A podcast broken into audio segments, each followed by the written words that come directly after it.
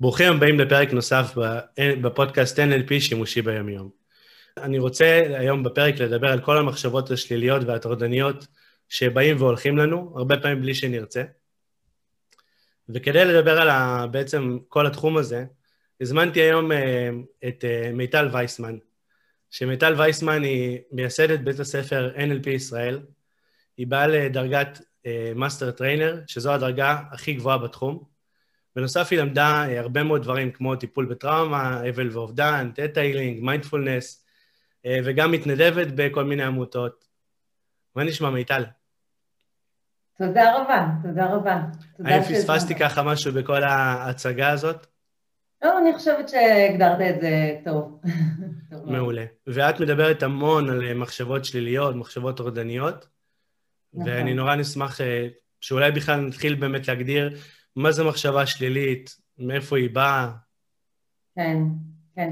אמ, אז לפני שאנחנו ככה צוללים באמת פנימה, אני רוצה להגיד לך תודה שהזמנת אותי, ואני מתרגשת להיות כאן ולפגוש גם אותך וגם אה, אה, להשמיע את הדברים החשובים האלה, כי אני חושבת שבסופו של דבר כולנו מתמודדים בדרך כזו או אחרת עם מחשבות.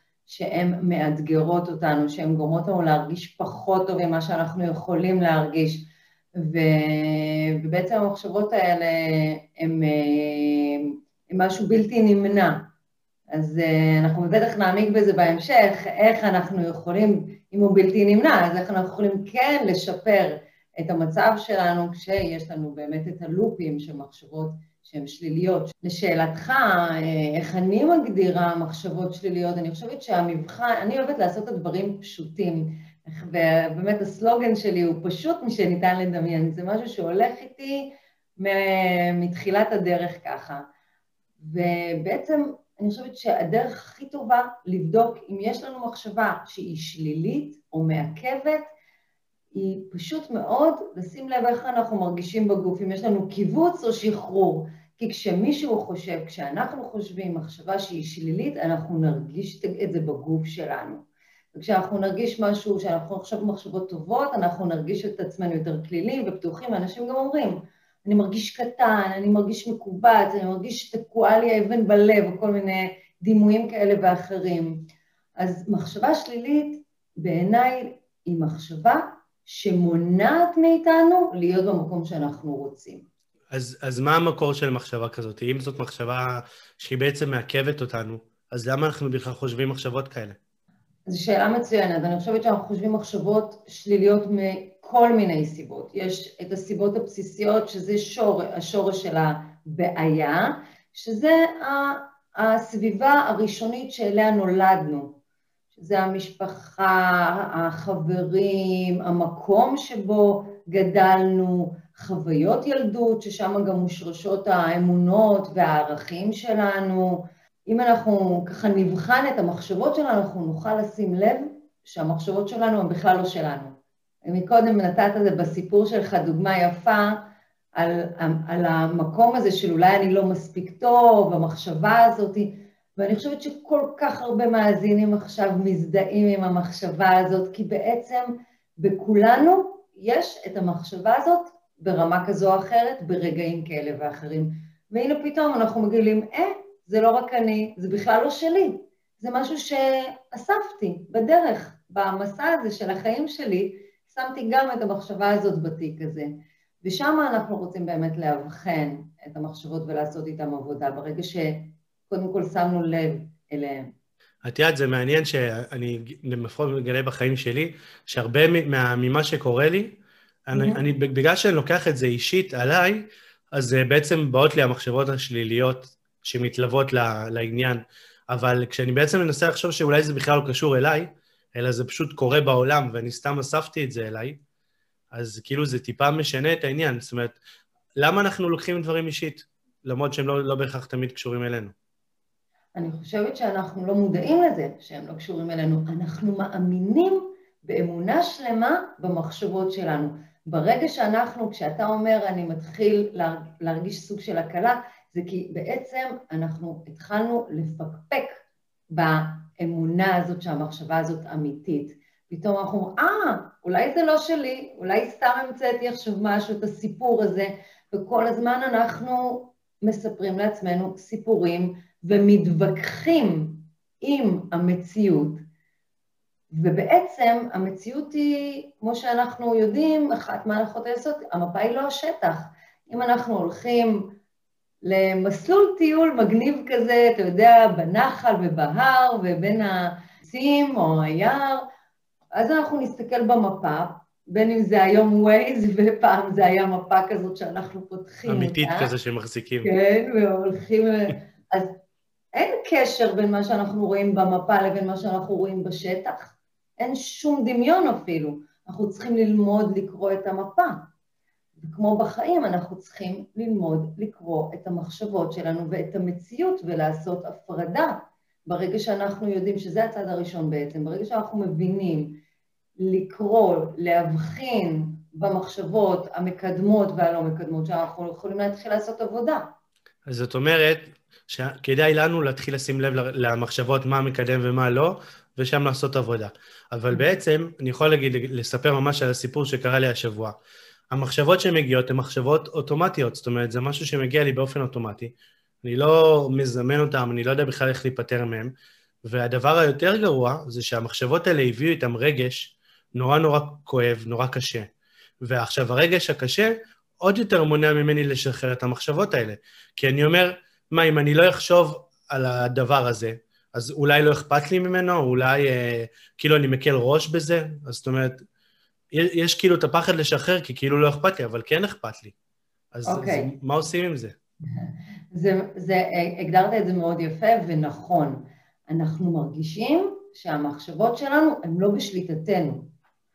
וברגע שאנחנו לומדים איך כן לעבוד עם המחשבות שלנו, אנחנו יכולים כבר להרגיש יותר שליטה, ובאופן אוטומטי כשיש לנו יותר שליטה יש לנו גם יותר ביטחון בעצמנו, בגוף שלנו, בחוויה שלנו. אני לדוגמה עובדת הרבה עם אנשים שחווים חרדות, וחרדות הרבה פעמים נגרמות בעקבות מחשבות שליליות. לדוגמה, מישהו חווה התקף חרדה פעם אחת, ומאותו הרגע, אם הוא לא טיפל בזה בזמן, אנחנו כל הזמן עלולים לחוות אותו אחד, כל הזמן יחווה את הפחד מההתקף הבא.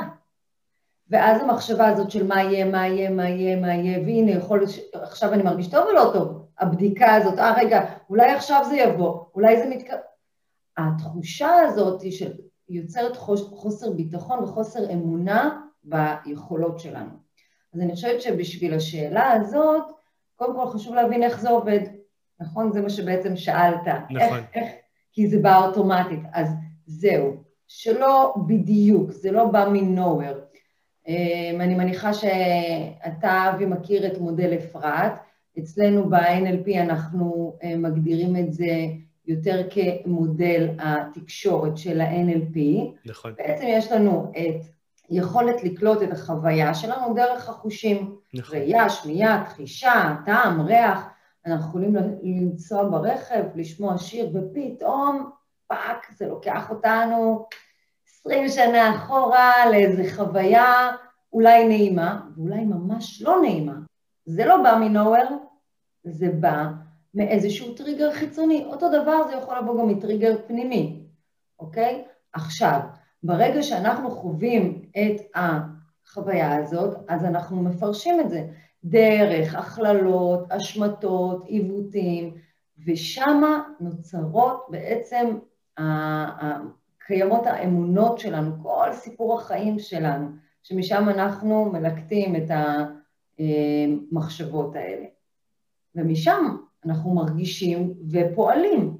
אז הרגש הזה, אנחנו, זה כל כך מהיר קורה שאתה מדבר כבר רק על הרגש, כי זה מה שכאילו צף הכי מהר. אבל כן. יש פה איזה תהליך, וברגע שאנחנו שמים לב לטריגר, אנחנו יכולים גם לאבחן את הפירוש, ואז אנחנו יכולים לשנות את הפירוש ואת החוויה, כי בסופו של דבר, עשרה אנשים יעמדו באותו אירוע בדיוק, יחוו את אותו אירוע בדיוק באופן אחר. נכון? אנחנו יודעים את זה. אתה יכול ללכת עם חברים שלך לחתונה, ופתאום אה, יום למחרת אתם תדברו, וחבר אחד ידבר על, ההיא, והחבר ההוא ידבר על האוכל, וחבר... וכל אחד יחווה את זה שונה, ואחד יגיד שהמוזיקה הייתה מעולה, ואחד יגיד, וואי, המוזיקה הייתה זוועה. כן. איך זה יכול להיות? אז אם לוקחים למשל את הדוגמה האישית שלי, שבעצם אה, הובטח לי משהו חיצוני, שהוא לא תלוי בי, הוא הובטח לי. ואני בעצם נורא בניתי על זה, ונורא שמחתי מזה, זה, את יודעת, זה יכול להיות קידום בעבודה, זה יכול להיות אה, חופשה שתכננתי, או כל דבר, משהו שהובטח. ובסוף זה לא יוצא לפועל. ו, ועכשיו, זאת עובדה בשטח, זה לא יוצא לפועל. אבל בעצם מגיעות המחשבות, שיכול להיות באמת שהן נוצרו מעיוותים שלי, או אה, הכללות שלי, או דברים כאלה, אבל בסופו של דבר, המחשבות האלה מגיעות והן אוטומטיות. כן. אז בעצם, אז מה הדרך שלי לבוא ובעצם להבין שזה, שהן אוטומטיות, ואיך אני יכול לשנות אותן, כאילו, כשזה קורה? אז קודם כל, נגיד בדוגמה הזאת שאתה אומר, אמרת משפט מעניין, אמרת, זה הובטח לי.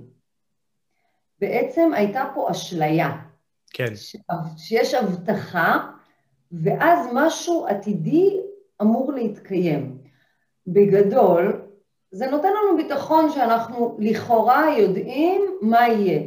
זה גם מה שקרה עם השנת קורונה הדרמטית הזאת. אנחנו, כל העולם היה בטוח שהוא יודע איך הולכת להיראות השנה שלו, בדרך כזו או אחרת, ברמה כזו או אחרת, ופתאום כל העולם מושתק.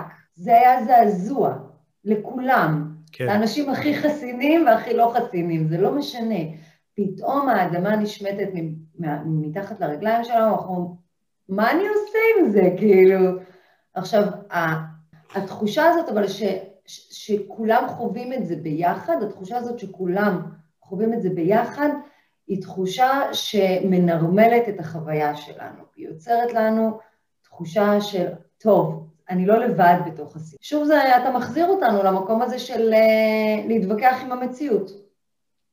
המציאות היא שאמרו לך משהו ולא קיבלת אותו. עכשיו אתה יכול אה, להתווכח עם זה ולהגיד לא, אבל זה לא בסדר ולא יודעת מה, אבל תמיד קיימת אפשרות נוספת, נכון? כן. אנחנו... עוד, עוד, עוד הנחת יסוד, בכלל כל הנחות היסוד זה הזדמנות אולי להגיד שכל הנחות היסוד של ה-NLP הם עבורי הם פשוט, הם התורה, הם דרך חיים. וכל פעם שאני נכנסת לאיזשהו מראה שחורה מכל מיני סיבות שהן, כי החיים הם, הם מציפים סבל, זה החיים, אין מה לעשות, אי אפשר, אי אפשר לברוח מזה. אנחנו חיים, ובחיים יש סבל, ואנחנו כל הזמן מחפשים לצאת ממנו בדרכים כאלה ואחרות. את יודעת, אצלי אני מדבר הרבה מאוד על אה, עניין של אה, מנהיגות רגישה, שזה בעצם אה, להנהיג את החיים שלנו, מתוך אה, רגישות לעצמנו, רגישות לאחר, חדות חושים לגבי בכלל הסיטואציות וכל מה שקורה מסביב, שזה ממש מתכתב בצורה מצוינת עם ה-NLP. אה, ובמקרה שלי באמת אמרתי לעצמי, מה שהובטח לי, עצם העובדה שזה הובטח ועדיין לא קוים, זאת אומרת, עוד לא הגיע הזמן שזה קוים, זה עדיין לא שלי. זה עדיין בגדר הבטחה. אז בעצם נעלם משהו שמראש לא היה שלי. זה הובטח לי, אבל זה לא היה שלי. זה היה שלי כשהייתי מתחיל את זה. כל עוד אני לא מתחיל את זה או לא מקבל את זה, זה לא שלי עדיין. אמ, וזה כאילו משהו שהיה על המדף ונעלם מהמדף, זה עדיין לא היה אצלי. ומשהו שאני מאוד מאמין בו זה שכדאי ליצור את המציאות שרוצים לחיות בה. ו- ובאמת, כאילו, בתקופה האחרונה באתי ואמרתי, עצם העובדה שהובטח לי, ואני תליתי בזה תקוות, זה אומר שבעצם המציאות שלי הייתה תלויה קצת במישהו אחר. ואם אני רוצה לייצר את המציאות שאני רוצה לחיות בה, אז אני, כדאי שאני אעשה פעולות, שבעצם שאני אני אדאג להבטיח לעצמי, ואני אדאג לעשות את הדברים שאני רוצה, ולא להיות תלוי באחרים. כמה שניתן, כמובן. כן. אז, אה, וה, והמחשבה הזאתי, שהחליפה את המחשבה הקודמת, אה, ממש שחררה אותי מה, מהלופ הזה, כי, כי הלופ הזה באמת, את יודעת, הוא נורא העיק עליי. נכון. אה, וכשבעצם באתי ואמרתי, אני זה שקובע את המציאות שלי, אני קובע מה יהיה, זה מה ששחרר אותי מזה. נכון מאוד, אני, אני בטוחה שאתה מכיר את השאלה, אחת מהשאלות המשמעותיות שאנחנו שואלים כל מונחה שמגיע אלינו, זה בעצם מה בשליטתך. וכשאתה מעביר את האחריות, אה, אה, את השליטה על החיים שלך אליך, אז כמו שאמרנו, אנחנו כבר יכולים לחוות יותר ביטחון.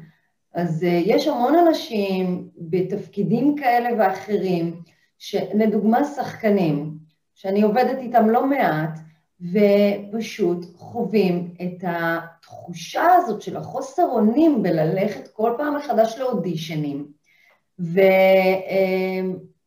בעצם את כל החיים שלהם בידיים של אדם אחר. זו תחושה נורא קשה. זו תחושה נורא קשה. זה כמו רעיונות עבודה כל פעם וכל פעם וכל פעם. בדיוק. לפני כל הצגה, לפני כל תפקיד. טוב, זה חיים שלמים, חיים שלמים שזה המהות של האדם, אבל מה שאנחנו צריכים לזכור זה הערך הגבוה שלשמו אנחנו עושים את הדברים. אם הערך הוא מספיק חשוב, אם הלמה הוא מספיק חשוב, אז, אה, אז כל איך הוא, הוא, הוא אה, יהפוך לפחות משמעותי. ולכן הם מצליחים כנראה לשרוד את הרעיונות עבודה האלה, את האודישנים האלה, אה, כמו רופא שעובד 24-7 כאילו בלי לישון, זה משהו שאני כאילו, אני כל שנץ ישנה, אני לא יכולה שלא, אני עובדת בערבים בקליניקה, ולכן נורא חשוב, אני אומרת, איך רופא יכול לא לישון? אבל הלמה שלו כל כך משמעותי, להציל חיים, זה בגדר של אה, ערך מאוד מאוד עליון, כן. ולכן... כן. אנחנו, כשיש לנו למה, המוטיבציה שלנו גדלה וגדלה וגדלה, ויש בנו כוחות על, פשוט כוחות על, ולכן נורא חשוב גם לעבוד עם ערכים, גם כשאנחנו מדברים על מחשבות שליליות, מחשבות חיוביות, איך להחליף מחשבות, אז לשאול את השאלה, מה? מה חשוב לי? מה הלמה שלי? מה זה ייתן לי? זאת אומרת, כשאני עושה משהו ומשהו לא מצליח לי, אז בעצם להתחבר למהות של אה, למה רציתי לעשות את זה מההתחלה, ו- ולחפש פשוט דרך אחרת. נכון, נכון, זאת אחת מהרבה אפשרויות, אבל זה מה שדיברנו עליו עכשיו, בעצם לחפש את, ה- את, ה- את הכוונה הגבוהה של המטרה שלי, של ההתנהגות שלי. את יודעת, אני אוהב לדמות את זה לנחל. תמיד כשהם מדברים על הדברים האלה, אז אני ממש רואה בעיניים שלי נחל. כי בעצם מים זורמים, שהופכים להיות נחל, איזשהו ערוץ מסוים, הם לא יודעים באמת לאן הם אה, יתפתחו, אבל הם יודעים לחפש את הנתיב שלהם, ולפעמים יש אבן גדולה, חלוק נחל, איזשהו סלע, והם לא יודעים לאן ללכת, אז הם נאגרים, נאגרים, נאגרים, ואז הם משתחררים למקום שהם מוצאים וממשיכים הלאה, וזורמים ימינה ושמאלה וימינה ושמאלה, ולפעמים אפילו טיפה למעלה ולמטה ומפל, ו... אבל הם תמיד מוצאים את הדרך שלהם להגיע לאן שהם, אה, נגיד לים הגדול. אבל, mm-hmm. זאת אומרת, יש להם את הכוח המניע, שזה בעצם המעיין, או כאילו ההתחלה של הנחל, והמטרה שלהם זה להגיע לים עצמו, או למקור המים הגדול. והם הגיעו לשם. ושום דבר לא יכול לעצור אותם בדרך, לא משנה סלעים, גבהים, כל מיני דברים שקורים בדרך. ורציתי לשאול אותך, אם אנחנו כבר מדברים על, ה, על דימוי ונחל וכל הדברים, מה הקשר בין ביטחון עצמי לבין מחשבות שליליות וטורדניות? האם יש קשר ביניהם? אמ, חד משמעית כן, בסופו של דבר, אה, כמו שאמרנו, אנחנו, המחשבות שלנו גורמות לנו לתחושות פיזיות בגוף שלנו. אם נחשוב, אה, וואי, אני מסכנה, אין לי XYZ, אני לא מספיק טובה, למה זה קורה לי, אמ, שום דבר לא עובד לי, אני בטח לא אצליח לעבור את רעיון העבודה הזה, או אה, אם תשים לב, המחשבות על העתיד, או על העבר, או על אה, חוסר אונים בכאן ועכשיו, בעצם אה, אנחנו אוטומטית חווים את זה בגוף. וכשאדם חווה חוסר ביטחון, הוא בעצם לא בוחן את המחשבות שלו, הוא בא אליי לקליניקה ואומר לי, אני מרגיש קטן, אני מרגיש שאני מגמגם, שאני לא מצליח, שאני מרגיש blackout, אני לא מצליח לתקשר עם אחרים, אני מגיע למסיבה ואני עומד בצד, אני אפילו, אה, אם אני ככה מתשאלת אותו לעומק, אז אנחנו מגלים שפתאום הוא בכלל לא מישיר מבט לאחרים כדי שלא יפנו אליו. הוא בעצם שם מסביבו חומה אוטומטית ש, אה, שכל זה הוא עושה באופן לא מודע. ברגע שאנחנו מציפים את הדברים האלה למודע, אנחנו מתחילים לאבחן ולהכיר מקרוב את המחשבות האלה של וואלה, אני עושה את זה לעצמי, אני נמנע מקשר כי אני כל כך מפחד, מפחד, מפחד, מפחד שמישהו יפנה אליי, שאני פשוט אה, מראש אה, לא יוצר קשר, לא מחייך, לא אה, מסתכל בעיניים גם כשאני מדבר, או מדבר מהר מהר מהר בשביל לסיים את זה, אתה מכיר? כן. נכון? כל ההתנהגויות האלה, הן מגיעות מתוך החוסר ביטחון ואמונה בעצמנו. וכשאנחנו רוצים לחזק את האמונה, אתה שאלת על, על הקשר, ונורא חשוב לי כמובן להגיד גם את הפתרונות. כן, בדיוק. מי שמאזין לנו, אז רוצה לשמוע על איך... איך עושים את זה, כן. כן. אז בעצם אה, אחד הדברים המאוד חשובים זה, זה לדמיין איך כן. אני תמיד אומרת, אם ייקחו במפגש הראשון שאנחנו מתחילים את התהליך, אני עושה עבודה בקליניקה של סדרת מפגשים קצרה של 12 מפגשים, ובה אני מכניסה את העבר ובעתיד, כשהנתח העיקרי הוא ההווה. המפגש הראשון, אני מדגישה הרי את המקום הזה של השאלה האקולוגית שאתה בטח מכיר, ומי שאנלפיסט ומאזין לנו בוודאי מכיר, השאלה האקולוגית באה ואומרת, בוא דמיין את העתיד שלך ובוא נבדוק אם זה אקולוגי לכל התחומים בחיים שלך. במקום הזה אנחנו בעצם שואלים את אחת השאלות הכי חשובות. וזה מה שאני מזמינה את המאזינים שלנו היום לקחת. זה איך כן. איך כן, איך כן, איך כן, איך כן, איך כן זה יעבוד, איך כן אני אצליח להרגיש טוב, איך כן אני אה, יכול לתקשר עם אנשים טוב. כי כל פעם שאנחנו בחוסר ביטחון, אנחנו חושבים רק על מה לא. ואני חושבת שזה הדבר הכי, אה, אחד הדברים הייחודיים, שאני מאוד מתחברת אליהם ב-NLP, זה המקום הזה של להתפקס על מה כן, על המטרה, להבדיל מלהתפקס על הבעיה ובואו נחפור ובואו נבדוק ובואו אה, נזרק קצת מלח על הפצע כדי שאולי יבריא. לא, אנחנו שומרים על האדם מתוך הצפה רגשית, בכל תהליכי ה-NLP, למרות שיכולות להיות הצפות וזה בסדר וזה חלק מההחלמה שלנו, עדיין אנחנו מגנים ושורים, אנחנו, זה לא חלק מה, מהגישה, הגישה היא חיזוקים חיוביים, כן, כן. לראות את מה כן, וכן לראות גם את מה העוגנים שלנו. מה, כן, מה המשאבים שיכולים לקחת אותנו לשם? בדיוק, לייצר עוגנים של איפה כן, אם אני רוצה ביטחון, זאת אומרת שאני יודע מה זה, זאת אומרת שאני מרגיש את זה איפשהו בחיים שלי, הרגשתי את זה כבר. חשוב לזכור, זה אין אדם שהוא נטול ביטחון עצמי. יש רגעים שבתוכם אנחנו מרגישים שהביטחון לא אצלנו. תראה, בן אדם קם בבוקר ומצחצח שיניים, ונגיד ניגש למקרר ולוקח כוס מים, אני בטוח שהוא לא עושה את זה מתוך אה, חוסר ביטחון עצמי, הוא מצחצח שיניים בחשש, והוא שותה כוס מים בבוקר בחשש, ו... זאת אומרת, יש דברים שאנחנו עושים בביטחון עצמי גמור, כי אנחנו יודעים ועושים אותם כל הזמן. אז, נכון. אה, אז אפשר בעצם להעביר את היכולת הזאת, אפשר להשתמש בזה. נכון. אז באמת, אה, גרגורי בייסטון עשה מחקר על, ה, על, על הנושא הזה, על חיזוקים חיוביים, והוא בדק את זה על דולפינים, שהם מאוד אינטליגנטים.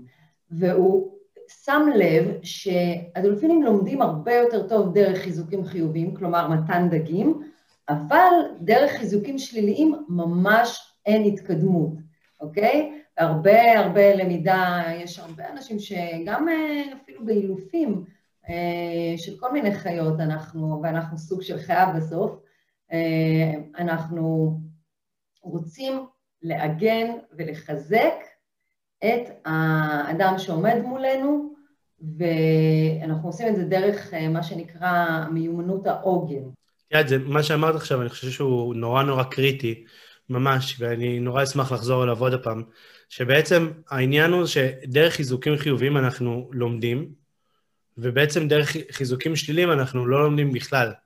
עכשיו, למה זה חשוב? כי בעצם הרבה מההתנהגות שלנו של הרבה מאוד מהאנשים זאת הלקאה עצמית. זאת אומרת, עשינו משהו לא בסדר, אנחנו נלקה את עצמנו על זה, אנחנו או שנגיד לעצמנו מילים לא, נכון, לא טובות, נקלל את עצמנו, נשפיל את עצמנו, נגיד לעצמנו למה אני ככה ולמה זה קורה לי ואני לא אצלח ואני לא מספיק טוב, לא מספיק חכם, לא מספיק יפה.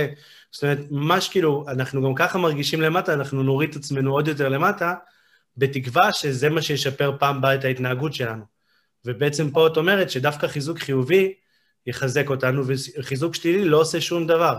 אתה יודע, אתה מדבר על זה, ואיך שהסברת את זה, וזה הזכיר לי את המיומנות של הכוונה החיובית שאנחנו מדברים עליה, שבעצם אנחנו חושבים שאם אנחנו נלקה את עצמנו, או אם אנחנו נכריח את עצמנו ונכפה על עצמנו כל מיני אה, התנהגויות, ולא, אתה חייב לעשות את זה, וזה לא בסדר, וזה לא בסדר שאתה יושב על הספה כל היום, וכל מיני ביקורות, ביקורת אה, עצמית גבוהה, שלילית כמובן, כי ביקורת יכולה להיות גם בונה, אז אני מדברת כרגע על ביקורת שלילית.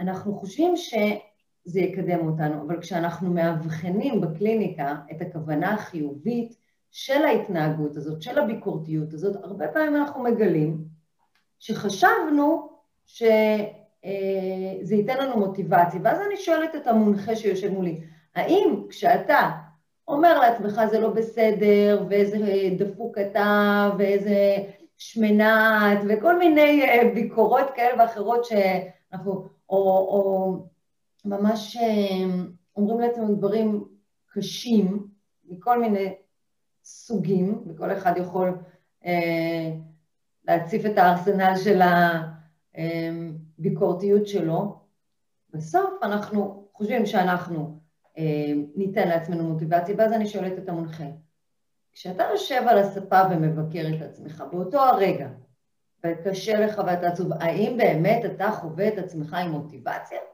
האם זה, זה, אומר לי לא.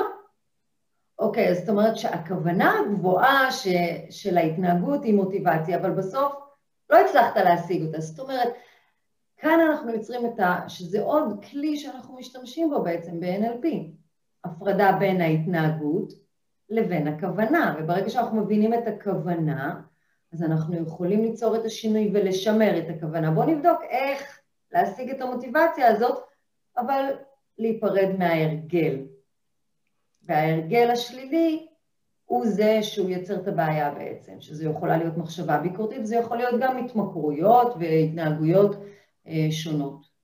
כן. את האמת שלפני כמה פרקים דיברתי עם מיקי ברקל, והוא אמר mm-hmm. משהו שהוא, שמאוד מאוד התחברתי אליו. הוא אמר שכל העניין הזה של הלקאה עצמית, ובכלל מחשבות שליליות קשות שמגיעות אלינו, זה לא מתחיל מאצלנו בכלל. זה משהו שהוא מגיע דווקא מההורים שלנו. כי הרבה פעמים כשאנחנו עושים איזשהו משהו אה, לא בסדר כשאנחנו ילדים, אז אנחנו מקבלים איזושהי נזיפה או, או תראה, אתה, מה שעשית לא בסדר, אני נורא כועס עליך, ואז מיד עונש, לך לחדר, אה, אתה לא יוצא, אתה מקורקע, אתה... כל מיני דברים כאלה, מקבלים עונשים, ואז אנחנו לומדים את הדפוס של עשינו משהו לא בסדר, אנחנו מקבלים נזיפה ואנחנו נענשים מיד. ואנחנו פשוט לומדים את זה, וכשאנחנו גדולים, אנחנו פשוט עושים את זה לעצמנו, זה נהיה חלק משגרת החיים. לא מצליחים משהו, ישר נוספים בעצמנו, וישר מענישים את עצמנו אוטומטית. נכון, נכון. וזה משהו שהוא לא נמנע, כאילו, זה לא בלתי נמנע. אלא אם כן אנחנו מזהים את זה, ויודעים שזה ככה, ואז מחליטים לשחרר את זה. כמו שאנחנו יודעים, וכמו שאמרנו קודם, רוב האמונות והמחשבות שלנו, התפיסות שלנו, הן מושרשות בגיל מאוד צעיר, עד גיל שבע אנחנו כבר די אה, ככה מאורגנים על ערכים ואמונות. יש אנשים שגדלים והם מתנתקים מהסביבה שלהם, כי הם uh, השכילו להבין שאולי זה לא מה שהם רוצים בשביל עצמם ובשביל החיים שלהם וזה לא נכון להם, והם מתחילים ללמוד. הם מתחילים לפתח אינטליגנציה רגשית גבוהה, הם מתחילים לבדוק באמת איפה הם רוצים uh, ליצור את השינוי של החיים שלהם. ובסופו של דבר רוב האנשים לא הולכים לטיפול. רוב האנשים לא באים. אני תמיד אומרת, אם בן אדם, אם הגעת לכאן, אתה כבר במקום יותר טוב. כי אתה כבר במקום של בחירה, של מודעות, של רצון לשאול, שיש בך איזשהו חלק שמאמין שאפשר אחרת. רוב האנשים לא שם. אנחנו אוספים עם התיק הזה את החוויות חיים שלנו, ועכשיו, לא משנה איזה הורים היו לנו טובים יותר או פחות, אנחנו לקחנו דברים שלא תמיד אנחנו אה, רוצים, וזה השפיע עלינו. וזה באמת הבחירה הזאת של איזה משקפיים לשים, כשאני קם בבוקר, או כשאני באינטראקציה חברתית כזו או אחרת, האם אה, השפה שלנו, שזה בעצם המחשבות שלנו, הם המשקפיים שלנו. ואם אנחנו משתמשים בשפה שהיא שלילית, אז המשקפיים הן אפורות, ואם אנחנו משתמשים בשפה שהיא חיובית, אז המשקפיים הן רב-גוניות, יש בהן קשת של צבעים, אפשר לראות בחירה, אפשר לראות מגוון של אפשרויות. אנחנו לא מרגישים תקועים ומכווצים, אנחנו מרגישים פתוחים ובעלי יכולות ועם ביטחון.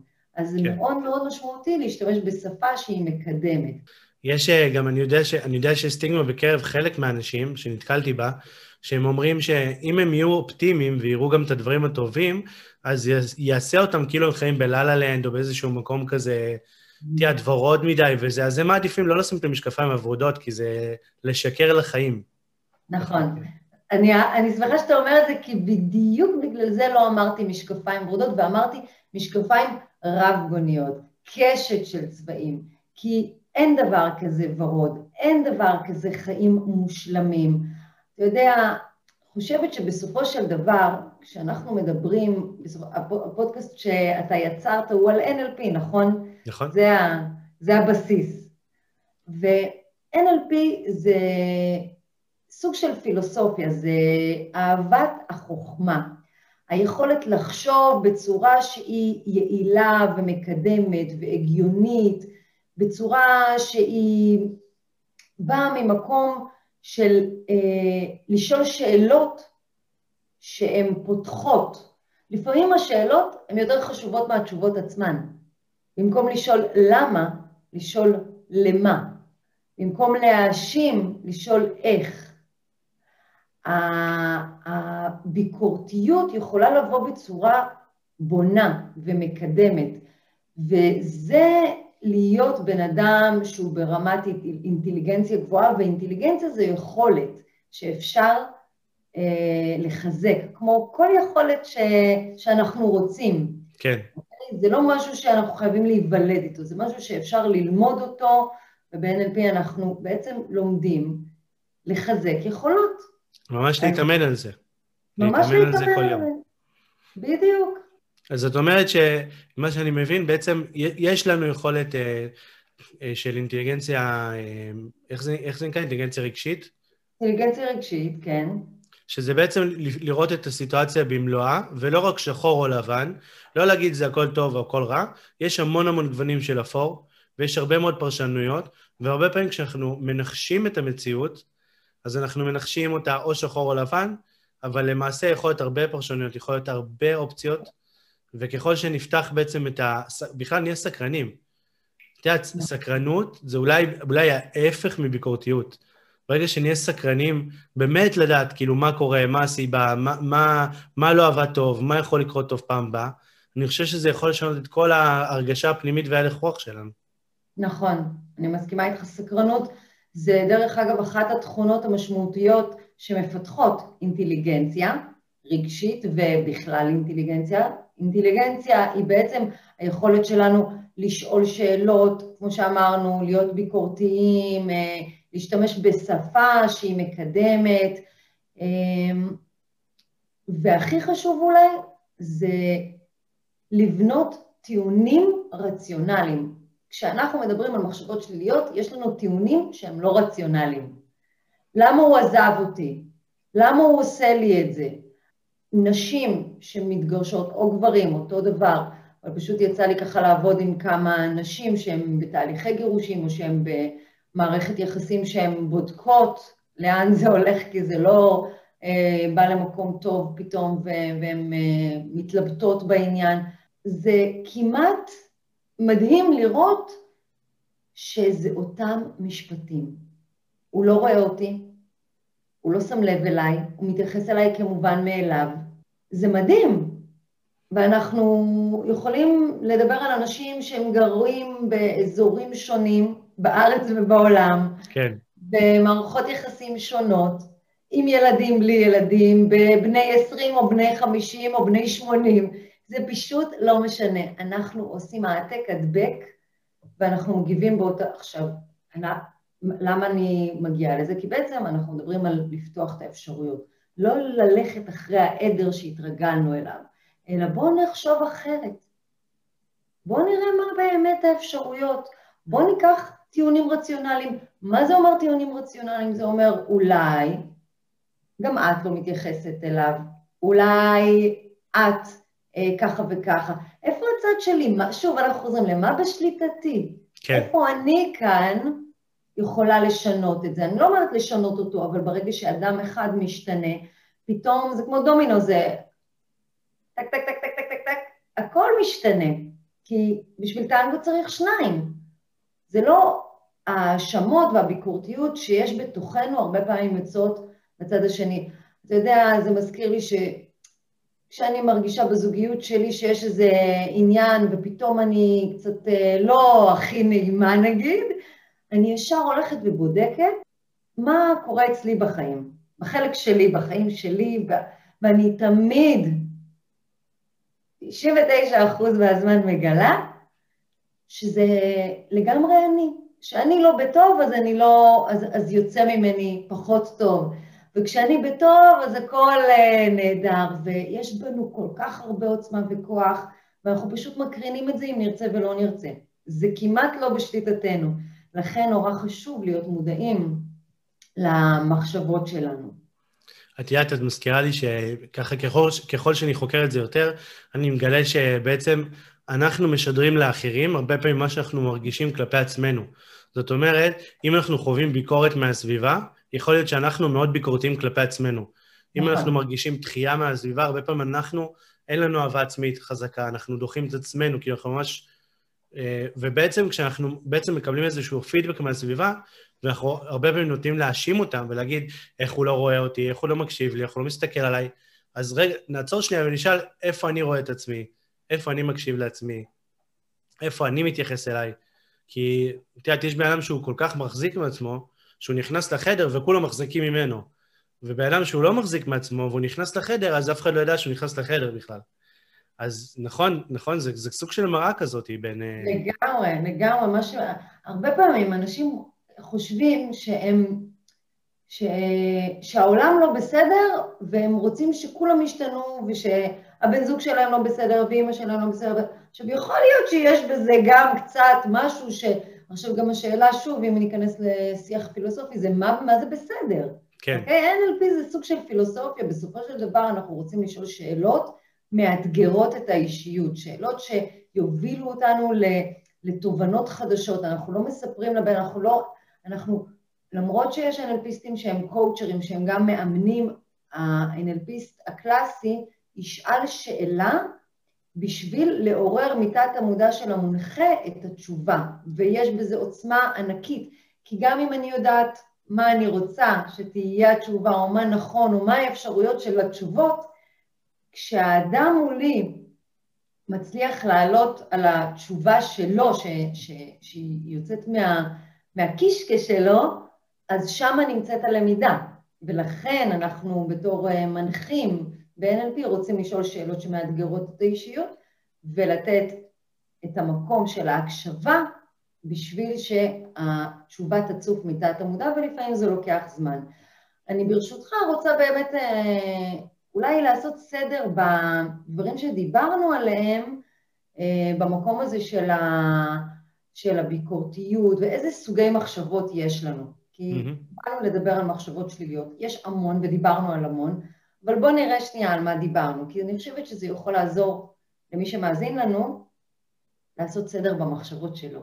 אז היה את המחשבות של בעצם שחור ולבן, שאמרנו, שזה מחשבות כאילו, אמ, זה או שזה זה או שזה זה. דיברת גם על הסיפור שלך, שזה מוביל, שזה כן. מאוד דומה. כאילו, אם, אם לא הלך לי שם, אז כאילו נשארתי בלי. אבל זה לא נכון, הנה, מצאת פתרון, אולי אני אעשה לבד, אולי אז מחשבות של שחור או לבן. יש מחשבות קטסטרופליות, שבקורונה זה היה מאוד אה, דומיננטי, של אם כל, עכשיו זה קורה הרבה פעמים עם אנשים עם חרדות, אנשים שחווים בעיות פיזיות, מחלות, שהם רואים כבר את הסוף. כאילו אם קצת כואב לי אז יש לי סרטן, אם קצת זה אז אולי יש לי איזה, כאילו ממש סוף העולם. אם אני קצת יש לי דופק מהיר אז אני עומד להתעלף. וזה לא נכון. הנה אנחנו רוצים להביא את זה למחשבה בריאה, רציונלית, יעילה, מקדמת. הלב שלי יכול לדפוק, ובמקום לפחד אני יכולה להגיד, אני מתרגשת. כן. וברגע אפשר לנשום. אמ, מחשבות שהן אה, קריאת מחשבות, מה הוא יחשוב, מה הוא יגיד, אז uh, הרבה פעמים אנחנו, אם הוא לא אוהב אותי, הוא לא מתייחס אליי, מה שדיברנו על הזוגיות, וזה לאו דווקא נכון, יכול להיות המון המון סיבות אחרות, ואם אנחנו הולכים לעמדת צופה, לעמדה שלישית, ויוצאים שנייה, או נכנסים לעמדה השנייה, רגע, לראות את הדברים מהעיניים שלו, אנחנו יכולים לגלות המון המון דברים. אפשר גם פשוט לשאול אותו. נכון, אפשר. אפשר גם לנהל שיח, אם אנחנו מצליחים לנהל שיח שהוא לא ביקורתי. ועולה לי עוד, עוד סגנון מחשבה נוסף אחרון, זה המחשבות ההשוואתיות, שזה מתקשר גם למקום הזה של החוסר ביטחון שדיברנו עליו, והצפת והוא מאוד מאוד חשוב לדעתי, כי הרבה אנשים חווים את עצמם לא מספיק. לא מספיק טובים, ולא מספיק יפים, ולא מספיק רזים, ולא מספיק חכמים, ולא מספיק. והלא מספיק הזה מגיע מתוך ההשוואה. אז uh, כשאנחנו ערים לזה שיש איזשהו נוסח ו- ויש לנו תבניות כאלה של מחשבות, ואני דווקא, יש לי איזה פוסט על, ה- על, על uh, סגנונות של תבניות של מחשבה, אני לא זוכרת איך קראתי לו באתר, אבל זה באמת, uh, אני נוגעת שם ב- ב- בדברים אם האלה. אם תרצי, נוכל לשתף את הקישור uh, אחר כך. אפשר, בכיף, בשמחה. אז באמת, uh, אני חושבת שלהבין שיש את התבניות האלה והן חוזרות אצל כולם, זה כבר מנרמל ועושה הרגשה קצת יותר טובה, אני חושבת. אני חושב שיש גם עוד דפוס אחד של המחשבות, שבעצם, שזה מחשבות של חוסר אונים, כמו אני לא יודע מה הייעוד שלי, אני לא יודע מה מקום עבודה מתאים לי, אני לא יודע איזה בן זוג בדיוק מתאים לי, אמ, כאילו, שאלות כאילו כמו קיומיות כאלה, שאנחנו יכולים כן. להתפלפל בהן שנים ולהיות תקועים באותו מקום, ואין לזה תשובה. ואנחנו פשוט דשים ודשים ודשים באותה שאלה, כאילו, נגיד, מה הייעוד שלי? מה הייעוד שלי? כאילו, מה העבודה ש... שהכי תעזור לי? ואנשים כאילו מסתובבים זה שנים, עובדים בכל מיני עבודות שלא כל כך טוב להם, אבל הם לא יודעים מה הייעוד שלהם. נכון? נכון. זה יכול להיות מחשבה טורדנית בסופו של דבר. זה מחשבה טורדנית בהחלט אם אנחנו אה, נשאבים אליה ומחפשים את הייעוד שלנו. חשוב להגיד, אתה יודע, יש המון אה, מנטורים כאלה ואחרים שמדברים על הייעוד ועל לחפש את הייעוד, ואני פחות מתחברת למקום הזה מהסיבה הפשוטה שאין דבר כזה שכשאני אגיע אליו, אז מצאתי. ואני בשלווה, שקט, ביטחון, אהבה והכל מושלם. אין רגע כזה אה, אה, שהוא נמשך לאורך זמן. יש רגעים בחיים שבהם אני חווה את הייעוד שלי. כשאני מסיימת פגישה בקליניקה והמונחה שלי אני עושה קליברציה, אני רואה שהמונחה שלי היא אה, נכנסה ככה ויצאה אה, באנרגיה אחרת, אני מרגישה את הייעוד שלי. כשאני מדברת איתך, אני מרגישה את הייעוד שלי. כשאני עוזרת אה, אה, אה, לאדם אחר, אני מרגישה את הייעוד שלי. כשאני, באמת, בכל כך הרבה רגעים קטנים, הייעוד נמצא ביום-יום. וזה מאוד חשוב הנושא הזה של ייעוד, כי אנשים מחפשים, ואנחנו לא צריכים לחפש. אז אמרת, אין תשובה לזה, והתשובה שלי לזה דווקא, אני אומרת, לכל בעיה יש, יש פתרון, אולי לא כן. לא תשובה, אבל פתרון. והפתרון זה לא לחפש, אלא להיות בנוכחות. לחוות את הכאן ועכשיו, ולהיות בתוך הכאן ועכשיו כל הזמן בתנועה. כל הזמן בתנועה. כי בתוך התנועה אני יכול, דיברת מקודם על סקרנות, אני מתה על זה, כי, כי סקרנות זה, זה החיים. אם אני לא סקרן, מי אני? אני בחוסר אונים. אם אני לא סקרנית, אז, אז למה אני קמה בבוקר? בשביל לעשות איזה כמה פעולות ש, שאני צריכה לעשות עליהן וי? אז למה?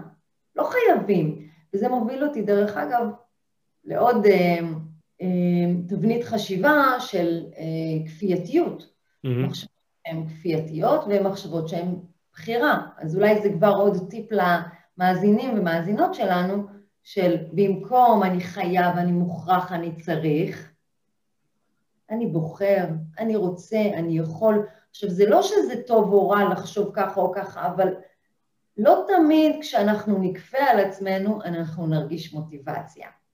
הרבה פעמים אנחנו נבחר, נרצה לבחור, נרצה להרגיש שאנחנו יכולים לבחור אחרת, או שאני רוצה לעשות את זה, אני רוצה להוריד את הזבל, כי אני רוצה שהבית שלי יהיה נקי. לא באמת בא לי עכשיו לרדת לקחת את הפח, לא בא לי עכשיו... אבל, אבל אחרי זה אני ארגיש טוב, נכון? כי כן. הבית יהיה נקי. אז, אז שוב, לחשוב על התוצאה הסופית אה, שאליה אני רוצה להגיע, ומתוך זה אני עושה את הפעולות. אה, מעולה. אז אה, רציתי לשאול אותך שאלה טיפה שונה, שזה אומר, האם אנחנו יכולים להידבק במחשבות שליליות מאנשים אחרים בסביבה שלנו? אם יש לנו אנשים סביבנו שהם יותר שליליים, יותר מחפשים את השלילי ומה לא עובד, וזה לא בסדר וזה לא בסדר, האם אנחנו יכולים להידבק מה, מהסטייט הזה שלהם, וגם כן לפתח מחשבות שליליות כמוהם? ואם כן, אז מה אפשר לעשות עם זה? מאוד, מאוד. זה מה זה שאלה חשובה, כי יש אנשים ש...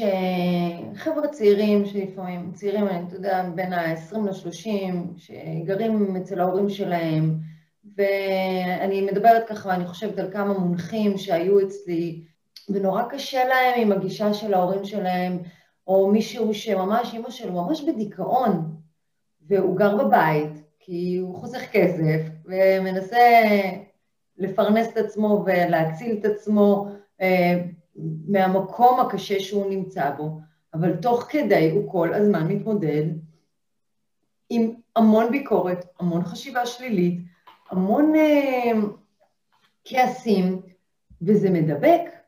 ואתה לא יכול, אה, כמעט זה בלתי, כמעט בלתי נמנע להיות 24-7 במקום כזה ולצפות מעצמך להיות בן אדם מאושר, חיובי, וכן, זה, זה, זה מאוד, מאוד לא פשוט, במיוחד שזה האנשים שקרובים לנו ויקרים לנו, ואנחנו צריכים אה, להבין דבר אחד, כשאנחנו נהיה חזקים, אנחנו נוכל לעזור לאחר. אבל אם אנחנו נשאבים לקורבנות של האחר, אנחנו בעצם באותה ביצה איתו, באותו בור. בשביל להרים את הראש מעל הבור הזה, אנחנו חייבים, מה שאנשים אומרים להיות אגואיסט, אז אני אומרת, זה לא להיות אגואיסט, זה לדאוג לעצמך בשביל שתוכל לעזור לאחר. אז אה, כן, אנחנו לפעמים נאלץ לתפוס מרחק ולהיות נאמנים לאמונות ולערכים שלנו. בשביל שבשורה התחתונית בסוף נוכל להציל לא רק את עצמנו, גם את הסביבה האהובה והיקרה. כן? את יודעת, יש משפט מאוד אה, יפה שאהבתי פעם, שאמר אה, שכל מלפפון שתשים אותו בחומץ, בסופו של דבר הוא יהיה מלפפון חמוץ. מה שאומר שבעצם אנחנו צריכים ממש להישמר מהסביבה, כי הרבה פעמים הסביבה יכולה... כי בסופו של דבר אנחנו יצורים, יצורים סביב... חברתיים, ונורא נכון. חשוב לנו מה הסביבה אומרת עלינו, ואיך אנחנו משפיעים מהסביבה, והיא משפיעה עלינו. ואם כן. כל הסביבה היא במוד שלילי, אנחנו עלולים אה, לתאם אנרגיות ולהיות גם שליליים כמוהם. לגמרי, זה בלתי נמנע כמעט, זה ממש ממש חשוב. אתה יודע, זה מזכיר לי שלפני, אני חושבת איזה שנה, שנתיים, אה, ברשימת תפוצה שלי כתבתי מייל, ואני לא זוכרת אפילו על מה היה המייל לרשימת תפוצה, אבל אחד מהמיילים שקיבלתי אה, בחזרה, מישהו מהעוקבים שלי אה, כתב לי תגובה, והתגובה הייתה פשוט מרתקת. הוא כתב לי ככה, אני אספר את זה בקצרה, משהו כמו, אם החיים שלך לא היו מושלמים, ולא היה לך בית, ילדים, עבודה אה, וכל מיני דברים כאלה, אז האם עדיין היית מאושרת? הייתי באמת, אה, הופתעתי לקרוא, ולא רק בגלל מה שהוא כתב ב... ב האם היית מאושרת, אלא בגלל שהוא קרא מחשבות שלי, נכון? אנחנו קוראים לזה קריאת מחשבות, הוא הגיע לכל מיני ספקולציות, הוא עשה השוואה, תראה כמה דברים, הוא, אה, הוא הכניס כמה תבניות חשיבה היה בתוך המייל הזה, שאין להם שום קשר למציאות, אוקיי? אני לא נשואה, אני בזוגיות, אני מעולם לא התחתנתי ואני גם לא אתחתן. אה, אין לי ילדים וכנראה גם לא יהיו לי מתוך בחירה. ובסדר, יש לי בית, אבל עבדתי מאוד קשה, והגעתי לתל אביב בגיל 20 וגרתי בדירות מעופשות של חדר, אה, ועבדתי 24/7 בעבודות מפה עד להודעה חדשה. הכל בעצם אה, היה, היה מאוד, גם, גם העבודה שלי היום, כשאני אה, בקליניקה, בבית ספר אונליין של קורסים בערכות להתפתחות אישית, כל הדברים האלה זה משהו שאני השקעתי בו את החיים שלי 24/7, ואתה עושה את זה, אתה יודע כמה עבודה זה, זה באמת המון המון עבודה. זה לא משהו שנפל עליי מהשמיים. ורק בגלל שזאת הדרך שעברתי, אני יכולה להצליח להעריך את האושר, כי אני באמת מאמינה שרק מתוך סבל אנחנו צומחים. ואם כל הזמן נהיה מאושרים, זה כמו כל הזמן להיות בחופשה. אז איך תעריך את החופשה? הרי אנחנו יוצאים לחופשה בשביל ליהנות מהרגע הזה של הפסק זמן, רק כשאנחנו עובדים קשה, לכאורה, אני אומרת קשה כי אני לא אוהבת את המילה הזאת, אנחנו עובדים הרבה, אנחנו משקיעים בדברים אחרים, אנחנו רוצים לרענן את הראש. אז עניתי לו, עניתי לו את כל מה שאמרתי לך, והוא באמת הודה לי ואמר שזה שינה לו את החיים, והוא לא מאמין, ואמרתי לו, תשים לב למחשבות שלך, אז uh, כמה, כמה אתה מדמיין בלי קשר למציאות, אחר כך כמובן פרסמתי את זה, זה היה ממש אה, אה, מעניין לראות איך אנשים אה, רואים דמות מסוימת, שמים עלינו טייטל מסוים, אה, היא יפה, היא ככה, אז בטח יש לה חיים מושלמים, ממש לא, וזה כל כך לא נכון, או הוא שחור, אז הוא מזרחי, אז הוא ככה, אז הוא ארס. זה, זה כואב הלב לראות את התגיות שאנחנו... אה, אה, שמים לאנשים, והמקום שלנו בלשנות חשיבה שלילית זה לשים לב לתגיות האלה שאנחנו כל הזמן משתמשים בהן, הרבה מאוד משתמשים בהן, ופשוט לנפץ אותן. יש אה, משפט ממש ממש אה, חזק שאני מאוד אוהב, שאומר שמאחורי כל בן אדם יש סיפור. ממש, מאחורי כל בן אדם יש סיפור, וכשאנחנו זוכרים את זה ואנחנו באים להגיד לבן אדם משהו, שנייה, יש מאחוריו סיפור. ו, ותוך כדי שחשבתי להגיד לך את המשפט הזה, אז חשבתי על זה שגם מאחורי, אני, אם אני בן אדם, אז גם מאחוריי יש סיפור. ולפעמים כשאני בא ואומר על עצמי מלא דברים, אז וואלה, יש לי סיפור מאחורה. יש לי ילדות מאחורה, יש לי ניסיון חיים מאחורה, יש לי אופי מאחורה. אז זאת אומרת, לכל בן אדם יש סיפור, ו- ובאמת כדאי שנבחן כל דבר לעומק לפני שאנחנו מכניסים לתבניות ותגיות וכל הדברים האלה. לגמרי, לגמרי. אתה יודע, אנשים... זה לא משנה איפה זה, קורה בכל מקום. אתה נכנס לאיזשהו מקום, והרושם הראשוני אומרים שכמה זה 30-60 שניות, ממש כמה רגעים של שניות, יש איזשהו רושם ראשוני. הרבה פעמים אנשים, לוקח להם זמן אה, לעכל שלא כל האנשים הם שייכים לאיזושהי קבוצה שהם שייכו אותה. כן. אוקיי? אחד הדברים שככה אני נזכרת ש, שהגבתי לו במייל הזה וזה ממש הפתיע אותו, זה ששיתפתי אותו גם, ושוב, את כל רשימת התפוצה שלי, כי ביקשתי ממנו, זה היה ממש אה, ככה אישו המייל הזה, ושיתפתי אותו שגם הבן זוג שלי הוא אה, נכה, הוא יושב על כיסא גלגלים, הוא נפל מסוס, זאת אומרת, החיים שלנו לא באמת מושלמים, או לפי אה, סיפור אה, סינדרלה, או אני לא יודעת איזה סיפור, אה, הוא אה, דמיין לעצמו איזה סיפור אמריקאי כזה, אני אוהבת להגיד אמריקקי. כאילו, וואי, החיים הם לא מה שאנחנו חושבים, ועדיין הבחירה שלנו בלחיות חיים טובים ומאושרים, זה הרבה הרבה הרבה נתון, אם לא 99 אחוז, במיינד שלנו, במה אנחנו שותלים, נכון? אנחנו אומרים, אנחנו שותלים אה, חשיבה חיובית, אנחנו נחווה חיים חיוביים. אנחנו שותלים חשיבה ביקורתית, שלילית, השוואתית, כפייתית, קוטבית, שחור או לבן, אנחנו נחווה את החיים בצורה הזאת. אז אני חושבת שזה בעצם... אה, מסקנה חזקה ביותר מהפרק הזה. מה זה? אני אומר, זאת מסקנה חזקה ביותר מהפרק הזה.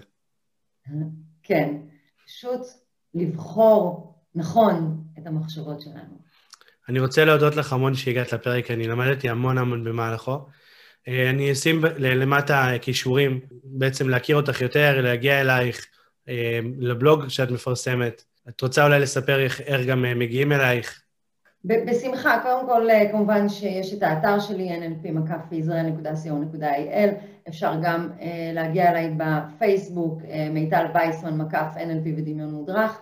ובאתר שלי יש שלושה קורסים חינמיים למטפלים, להתפתחות אישית ולחרדות, אז אה, אפשר להירשם בחינם לגמרי, וכמובן יש גם המון המון תכנים חינם, אז אה, אפשר לבוא ולהעשיר את עצמנו בידע ובכלים, אז בשמחה. תודה רבה מיטל, היה לי תודה רבה לך, תודה רבה אבי. ביי ביי. היה כיף.